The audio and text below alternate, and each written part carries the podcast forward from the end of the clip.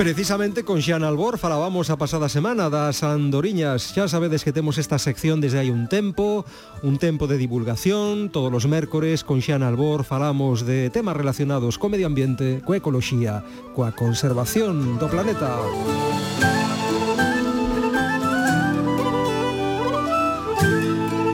Dazasete de decembro do ano 1905.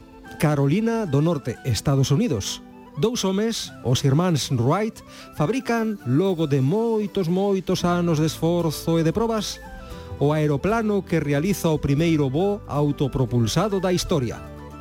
Un 11 de novembro de exactamente 80 anos despois, en Madrid, despega para realizar o seu primeiro voo o CN-235, un avión turbohélice de 25 metros de envergadura e velocidade máxima de cruceiro de 236 nós.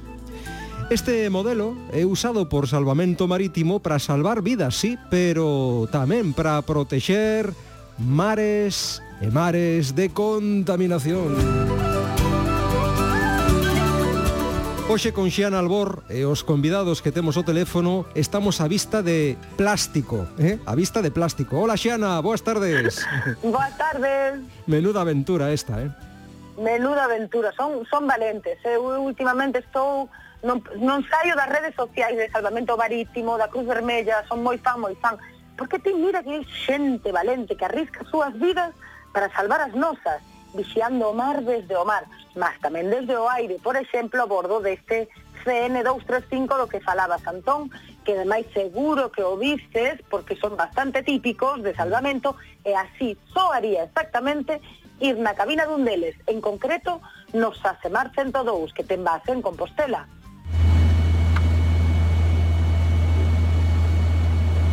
Verídico. e de verdade ¿eh? é tal cual eh, é o son que está subido no internet de como son os asemarte todos desde a cabina. Mas estes avións, tal como decía Antón, tamén loitan contra a contaminación mariña.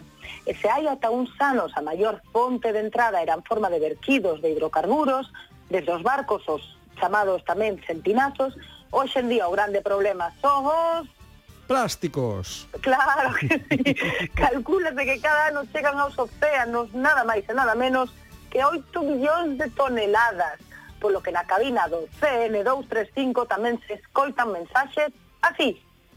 Atención, caixa de poliespan na posición 43 graus, 33-34 norte, 5 graus, 31-17 oeste. Ah, esta, esta... esta era eu lendo a mensaxe, pero a mensaxe é verídica tamén. Xa dicía eu, esta muller que pilota o helicóptero ten algo parecida no, no, a Xiana. No. Era Xiana Albor pilotando, claro que sí.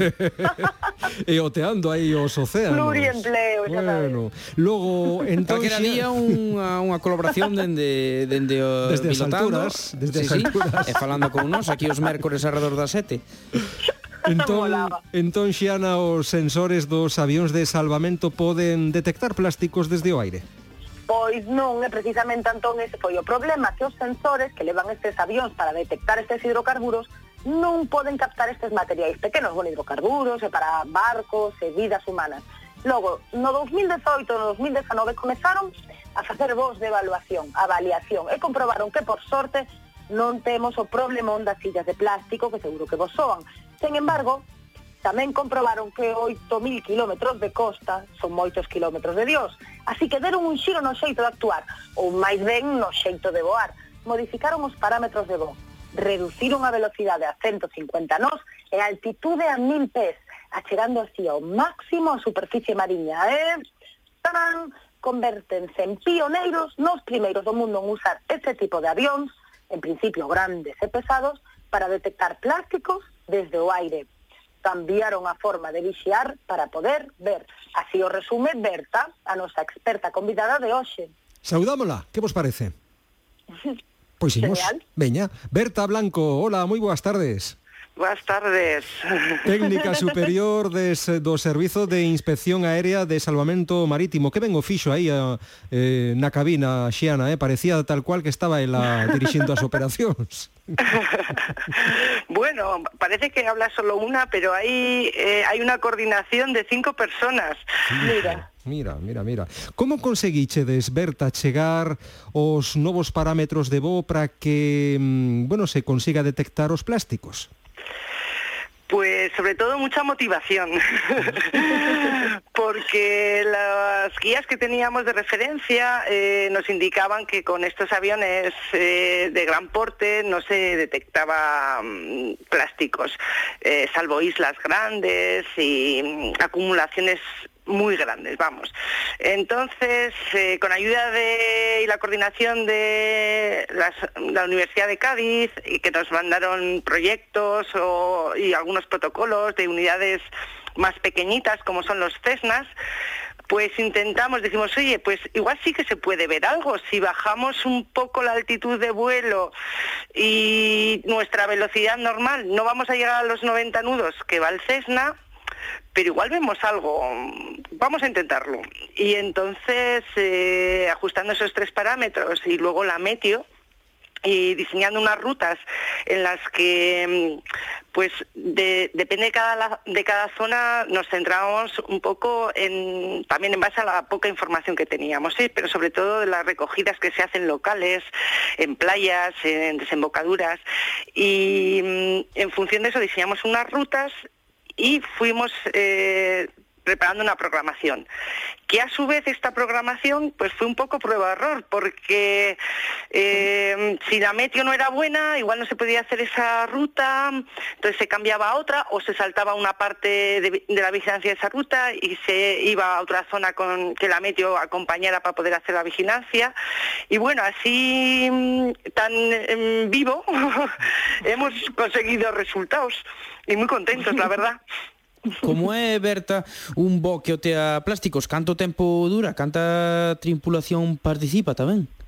Pues mira, nuestros aviones llevan una tripulación de cinco personas. Eh, llevamos eh, el piloto y el comandante, eh, los, do, los dos operadores de consola que van en las consolas de los sensores y el técnico de apoyo al vuelo. Aunque las vigilancias de plástico, digamos que la operativa la hemos tenido que cambiar completamente, porque al no servirnos realmente los sensores para detección del plástico, la vigilancia es totalmente visual.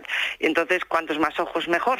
Así que quitamos a un operador de consola, le pusimos una de las burbujas junto al técnico de apoyo al vuelo, se iban rotando porque es bastante cansado ese esfuerzo visual durante la vigilancia y, y así lo hemos hecho, con buenos resultados. Adiante, no é sencillo. no, pero seguro que non o é. Berta, no momento en que o avión, onde unha destes técnicos detecta un plástico, como procede a tripulación? Pues lo primero de todo es el, el mensaje que has puesto. El operador de consola georreferencia la posición de la detección. Y digo detección porque una detección puede ser un plástico o un conjunto de plásticos con madera. O sea, puede haber mm, muchas cosas en una detección. Luego ya lo definimos. Y una vez que la georreferencia, eh, se registra una serie de características, que eso hemos, nos hemos basado en una tabla de registro de detección aérea que se hizo para los Cessna, pero bueno, nosotros la hemos aprovechado. Esto es un protocolo de marzo del 2019, vamos, que todo es muy recientito. Y, y entonces metemos ahí el tamaño, el estado de la mar, el viento, la materia, el material, pues que es plástico, caucho, madera, flora, telas, bueno, todo ese tipo de cosas. Y entonces el operador de consola a partir de aquí ya es la toma de fotografías. Nos puede parecer muy sencillo tomar una fotografía, nosotros cogemos el móvil y sacamos la foto. Lo que pasa que eh, con el avión es más complejo, porque digamos que el, el móvil es el técnico de apoyo al vuelo que tiene su cámara y está en la burbuja asomadito para sacar la foto.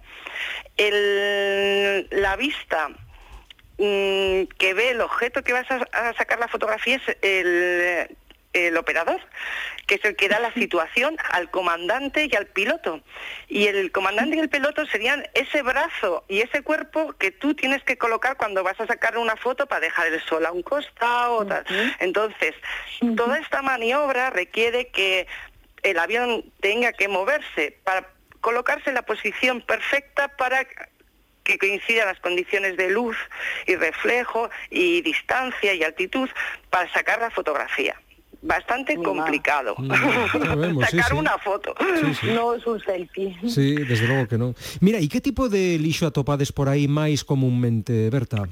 Pues mira, lo que más hemos detectado son trozos de plástico, mm. Mm, blancos, eh, cajas de plásticos azules, verdes y naranjas. Y después muchas cajas de poliespan. También había pues mm, cajas de plástico más pequeñitas, así, algunos eh, cabos de pesca, pero lo que más, eh, pues los mm, trozos de plástico o cajas de plástico. Vamos, que mm, bueno, también es bastante importante que hemos llegado a ver eh, plásticos de una longitud de, de 20 centímetros, oh. que, que, con el Cessna, bueno, a ver, es aproximado, igual en vez de 20 son 25 o 30, pero vamos, que ya es un es importante porque con los Cessnas veían objetos de 30 centímetros y con, vamos, no esperábamos llegar a ver objetos tan pequeños con nuestros aviones. Así que ha sido una alegría. Todo un Sí. Adiante, Xana. Pero o Cessna que non que o Cessna, que uno, Berta, que es? Es otro tipo, no, es otro tipo de avión, pero más pequeñito.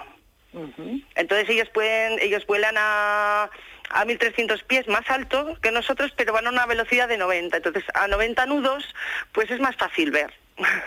Pero nosotros vamos a 150 nudos.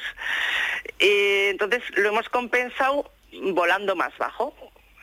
Volamos más bajo para poder ver mejor, aunque vayamos más rápido. Y así es como hemos hecho el, el ajuste. Y bueno, ha dado resultados. Eh, Berta, no sé si tedes pensado desde Salvamento Marítimo desenvolver alguna actividade a partir desta técnica pioneira de detección de plásticos desde o aire? Bueno, todavía no me atrevería a denominarla pionera, pero que queda mucho por hacer.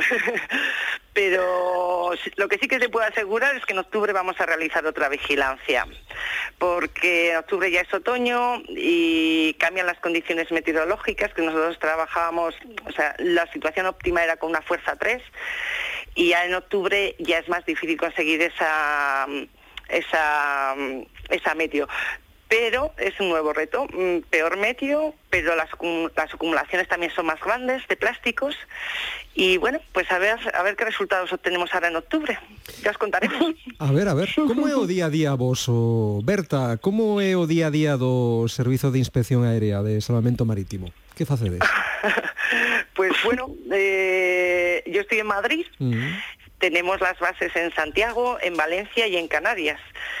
Así que es un poco en la distancia, lo digo por la coordinación también. Y ahora con la preparación, cuando hemos preparado pues todas mm, las instrucciones de cómo podemos hacer eh, la vigilancia, pues bueno, ha sido un poco impedimento que yo no, no, me he podido trasladar a las unidades, pero tampoco tan grave, porque con las videoconferencias nos hemos juntado a lo largo de la, del mes de vigilancia, previamente también, y bueno, más o menos el trabajo es así, eh, vía email y teléfono, porque no me puedo mover mucho a las tres bases.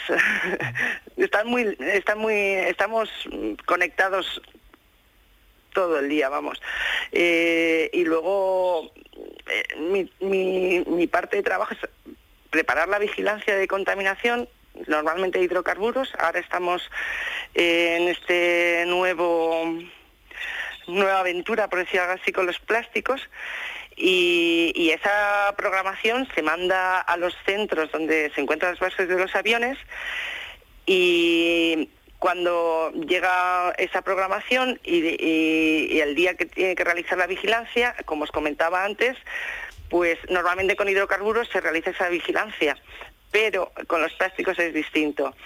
Eh, previo al vuelo, en función de la meteo, eh, en el briefing que hacen antes del vuelo, tienen que, digamos, rediseñar la ruta y ajustarla, porque son cuatro horas de vuelo, no, no, eh, se puede exceder y hay que optimizar también. eh, realizar el barrido más grande. Y, y, como bien habéis dicho, tenemos mucho mar mm. y solo tres aviones. Moito mar e tres aviones, efectivamente. Bueno, non sei se tes alguna curiosidade máis, Xana, antes de despedir a Berta e agradecerlle que estivese con nós esta tarde, falándonos do seu pois- traballo. Pois eu teño curiosidade que agora que estamos falando moito das candorcas, ver que Ah, estás, mira, supoño... tamén lle quería preguntar eu por iso, sí, sí. sí claro, Berta, estás eh, al tanto, no, do tema das orcas aquí en Sí, lo, lo... las costas. Sí, sí, sí. Bueno, a mí me, me ha sorprendido un montón, la verdad. Mm, me parece algo inédito, pero bueno. Eh... Mm, pero a mí me preguntan, este tipo de avións tamén, eh, inda que estean facendo a ruta de vigilancia de plásticos, se poden a mellor parar no caso de que atopen outra circunstancia, digamos, de forza ou maior, nese sí, caso, sí, as candorcas. Sí, sí, Como sí, reubican esas cousas? Quen lles dá a orde ou é o comandante o que decide o que facer? Ou teñen un superior en terra que lles di se poden modificar ou non a ruta? Durante el vuelo, el avión, eh, eso siempre, ¿eh? siempre que se realiza una vigilancia de contaminación, bien sea de hidrocarburos o de plásticos, durante el vuelo, si hay una emergencia, bien de salvamento o de otro tipo, que puede ser también de contaminación, que llegue a nuestros centros eh, se comunican con el avión y se les envía inmediatamente. Se corta la vigilancia y el, avión mm, se dirige a, a, la emergencia a la que se está requiriendo. O sea, eso siempre es así. ¿eh? Las emergencias son prioritarias a la vigilancia. Perfecto, pois nada, e estaremos atentos ao que dixe Ana, as candorcas que están xoguetonas eh, estes días, poñendo aí en apuros a moitos sí. beleiristas. A ver, eh, que pasa. Pero moitos... Les ha gustado. Les ha gustado. Mira, eu dicía hoxa, moitos beleiristas, pero non tantos, de verdade, que estadísticamente aínda non, eh, non nos podemos asustar tanto, temos que estar fantásticamente orgullosos de que esto está pasando aquí en Galicia, único mm. lugar do mundo. E ti por que crees que se produce, Xiana? Eh? Por xogar, por experimentar, por coñecer? Por que pues, crees que... O grupo, o grupo de traballo que estivo estes días, desde o 30 de agosto, que, que chegaron aquí a Galicia, ainda que xa había este tipo de contactos anteriores, o grupo de traballo chegou á conclusión de que sí, que parece ser un comportamento de xogo, aínda mm. que non poden estar seguros porque non están nas cabezas, mais o que está claro e que son sempre os mesmos individuos, as mesmas candorcas, e que son xuvenís. digamos que son todavía rapaces, adolescentes, sí. ou seja que sí que pode ser, pois que descubriran nesta interacción algo interesante ou están repetindo, porque sempre son veleiros, sí, sí. menos de 15 metros, como que tenden a ese parámetro. Uh -huh. E o importante é que nunca, xamais, en todo o mundo, se registrou un, unha agresividade desde unha candorca a un humano non... non somos o seu alimento, non van detrás de nós, non mm. temos que ter medo por esa parte. De feito, parece que, que esa grandes, da medo, claro. interacción se detén ou remata tan pronto se apagan os motores e a embarcación para. Aí parece que, sí. que deixan de... É máis Uh -huh. Este grupo de traballo que nos que está a FENMA desde Galicia, que son uns, unha leche, vamos, que traballan un montón con cetáceos e saben un montón, sí que chegaron a esa conclusión. Efectivamente, no momento en que le dan o tembón ou o motor para ou así, xa paran. A mellor poden seguir un pouquiño, máis o habitual é que marchen. O que pasa que eu entendo que as tripulacións pasen medo, porque ademais ás veces era de noite, pois a mar impón, non? Mas sí. temos que intentar manter a calma e non convertilas nun ser que non é. Non é agresivo para nós e non, somos o seu alimento porque se acontece eso, pois pode chegar un momento en que empecen os humanos a, sí. mostrar actitudes agresivas contra as candorcas e sería unha pena. ¿verdad? Abelas como un perigo cando non é o caso. Pois claro. estupendísimo, moitísimas grazas, por certo, eh, Berta Blanco, técnica superior do Servizo de Inspección Aérea de Salvamento Marítimo, por estar con nos e eh, contarnos un pouco como é o voso día a día e como eh, vixiades toda esta cuestión do plástico e dos hidrocarburos. Ata outra ocasión, Berta, grazas. A vosotros, gracias. Son as, Chao, as sete media, temos Chao. que deixalo aquí, Xiana, o tempo pasa a unha velocidade velocidade, ademais cando se está a gusto, pero bueno, a semana que ven temos nova cita contigo, vale? Moi ben, chao, chao.